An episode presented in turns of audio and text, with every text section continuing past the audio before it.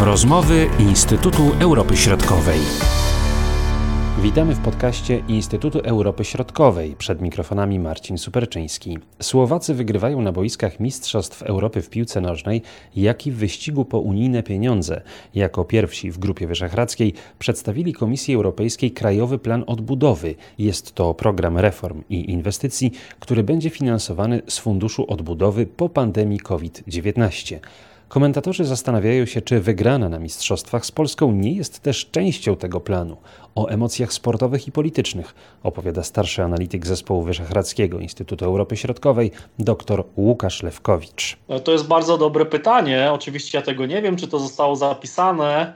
Polacy są trochę smutni z wyniku e, ostatniego meczu ze Słowakami bo przegraliśmy z teoretycznie najsłabszą y, drużyną w naszej grupie, no ale też należy pamiętać, że na euro ten poziom piłkarski jest zawsze w miarę wyrównany i czasem można zostać zaskoczonym. Czy tutaj nigdy do końca nie wiadomo, y, kto wygra, no ale podsumowując ten mecz y, Polska-Słowacja, no trzeba powiedzieć, że polska drużyna grała słabo, a Słowacy grali przeciętnie, no ale jednak wygrali. No my nie wykorzystaliśmy wielu okazji, żeby strzelić gola.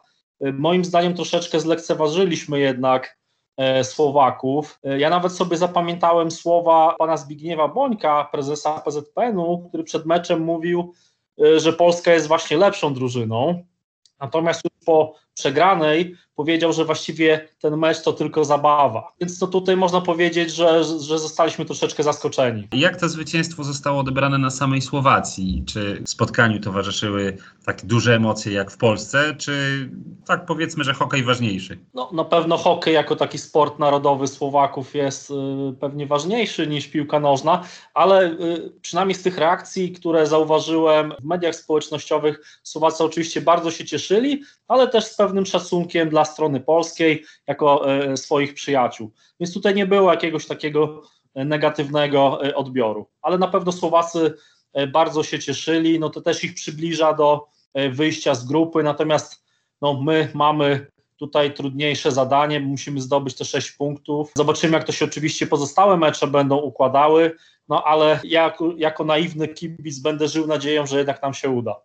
Jak na razie Słowacy są pierwsi w grupie, my jesteśmy na ostatnim miejscu, zobaczymy co się zmieni w najbliższych dniach. No ale ja wspominałem też już o krajowym programie odbudowy e, Słowacji właśnie po e, pandemii. Jak można ocenić właśnie to założenie i krytykę, która się pojawia, bo według właśnie krytyków nie wszystkie segmenty tego życia społecznego i gospodarczego zostały odpowiednio ujęte w tym dokumencie. No, trzeba pamiętać, że Słowacja jest pierwszym państwem Grupy Wyszehradzkiej, który w ogóle przedstawił swój krajowy plan odbudowy Komisji Europejskiej. Zrobił to jeszcze pod koniec kwietnia bieżącego roku. Generalnie Słowacja ma otrzymać na zakładane reformy, inwestycje około 6,6 miliarda euro które mają być wykorzystane do 2026 roku. I tu jakby Słowacja zgłosiła szereg ambitnych reform administracyjnych, które chciałaby z tych pieniędzy zrealizować. Do tych reform zalicza się m.in. reformę sądownictwa, zmianę systemu zarządzania uczelniami wyższymi, modernizację policji, e, optymalizację sieci szpitali, reformę Krajowego Biura Kryminalnego. Więc jest tutaj bardzo szeroki wachlarz planowanych reform. Y, też takie cele, na które ma być przeznaczony ten pakiet finansowy z Unii Europejskiej, również zostały jasno zdefiniowane i takim najważniejszym celem ma być zielona gospodarka. Y, na to ma być przeznaczone 2,3 miliarda euro. Oczywiście ochrona zdrowia, co jest szczególnie ważne teraz w okresie tym pandemicznym czy postpandemicznym. Y, tutaj ma być przeznaczone 1,5 miliarda euro.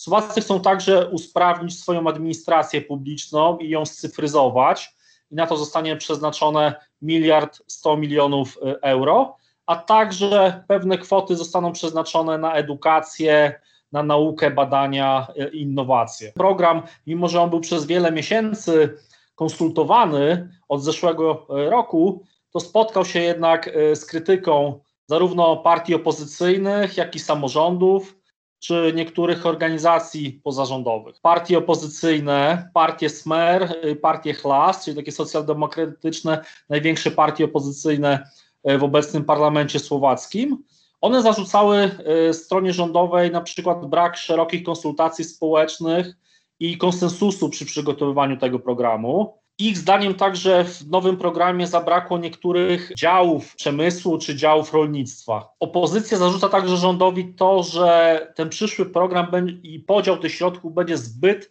e, scentralizowane, że one będą właśnie jakby dzielone e, na poziomie Bratysławy, natomiast bez uwzględniania specyfiki poszczególnych regionów. Zarzuca się również nieuwzględnianie pewnych grup społecznych, na przykład e, osób samozatrudnionych czy pracowników sektora gastronomicznego i turystycznego, a pamiętajmy, że te sektory zostały w dużym stopniu dotknięte e, przez ostatnie półtora roku właśnie e, pandemią. Organizacje zrzeszające samorządy słowackie uważają, że ta propozycja reformy samorządu terytorialnego jest e, zbyt ostrożna i że rząd właściwie powinien głębiej zreformować samorząd, więcej środków przeznaczyć właśnie na samorządy, jeśli chodzi chociażby o renowację zabytkowych budynków, opiekę zdrowotną.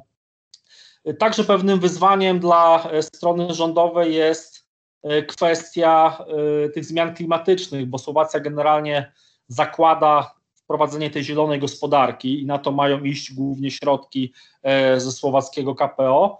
Natomiast niektóre organizacje pozarządowe zarzucają właśnie stronie rządowej, że nie przygotowała odpowiedniej legislacji, żeby te kwestie ekologiczne, chociażby w regionach, realizować. No więc niewątpliwie jest bardzo dużo wyzwań w tym KPO.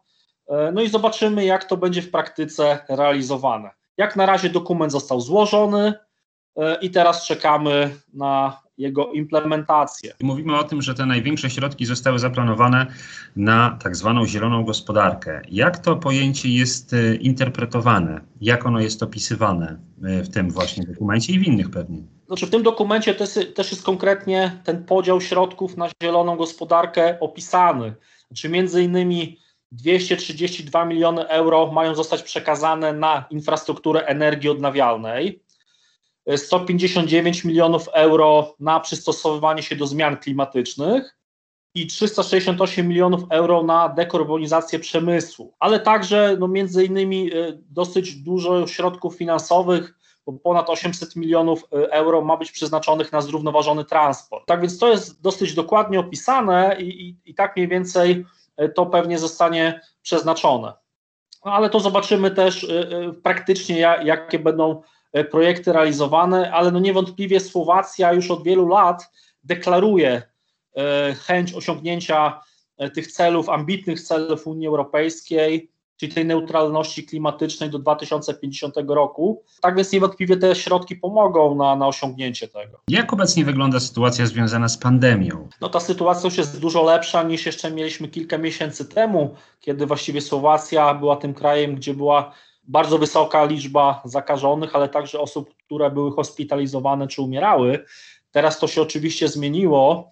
E, mamy już e, według danych rządowych ponad milion dziewięćset tysięcy zaszczepionych e, Słowaków pierwszą dawką, drugą dawką prawie milion dwieście tysięcy.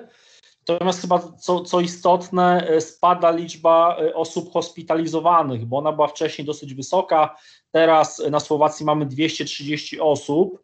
Jest to spadek, powolny spadek od kilku e, tygodni. Oczywiście też cały czas trwają te programy testowania. Nawet w pewnym momencie zauważono taką podobną tendencję jak w Polsce, że te zainteresowanie szczepieniami zaczęło spadać i podobnie jak w Polsce E, rząd tutaj też chce wprowadzać pewne takie zachęty, powiedzmy, do szczepienia, czyli na przykład loterie. I to też jest taka ciekawostka, bo o tym się przez wiele miesięcy dyskutowało, był, mieliśmy wielki kryzys dotyczący szczepionki Sputnik V i okazało się, że tam że ta szczepionka na taki, w takiej formule testowej ona została dopuszczona i w kilku punktach na Słowacji można się nią zaszczepić. E, I jakaś grupa e, Słowaków, które się, na to się zdecydowały, już się zaszczepiły. Tak więc ten Sputnik de facto w jakiejś tam niewielkiej ilości e, jest realizowany. Natomiast jeśli chodzi o taką sytuację, chociażby z punktu widzenia Polaków istotną, e, wciąż jeśli chcemy wjechać na Słowację, na przykład turystycznie, no to są pewne jednak utrudnienia z tego względu, że z Polski, czyli z kraju unijnego, oznaczonego jako kraj zielony, trzeba mieć albo, albo być zaszczepionym dwiema dawkami lub jedną dawką, jeśli chodzi o Johnson Johnson, albo trzeba mieć taki w miarę świeży test, y, y, negatywny oczywiście test dotyczący koronawirusa. Natomiast w ostatnich dniach zrezygnowano z dwutygodniowej kwarantanny, co jeszcze jakiś czas temu y, obowiązywało.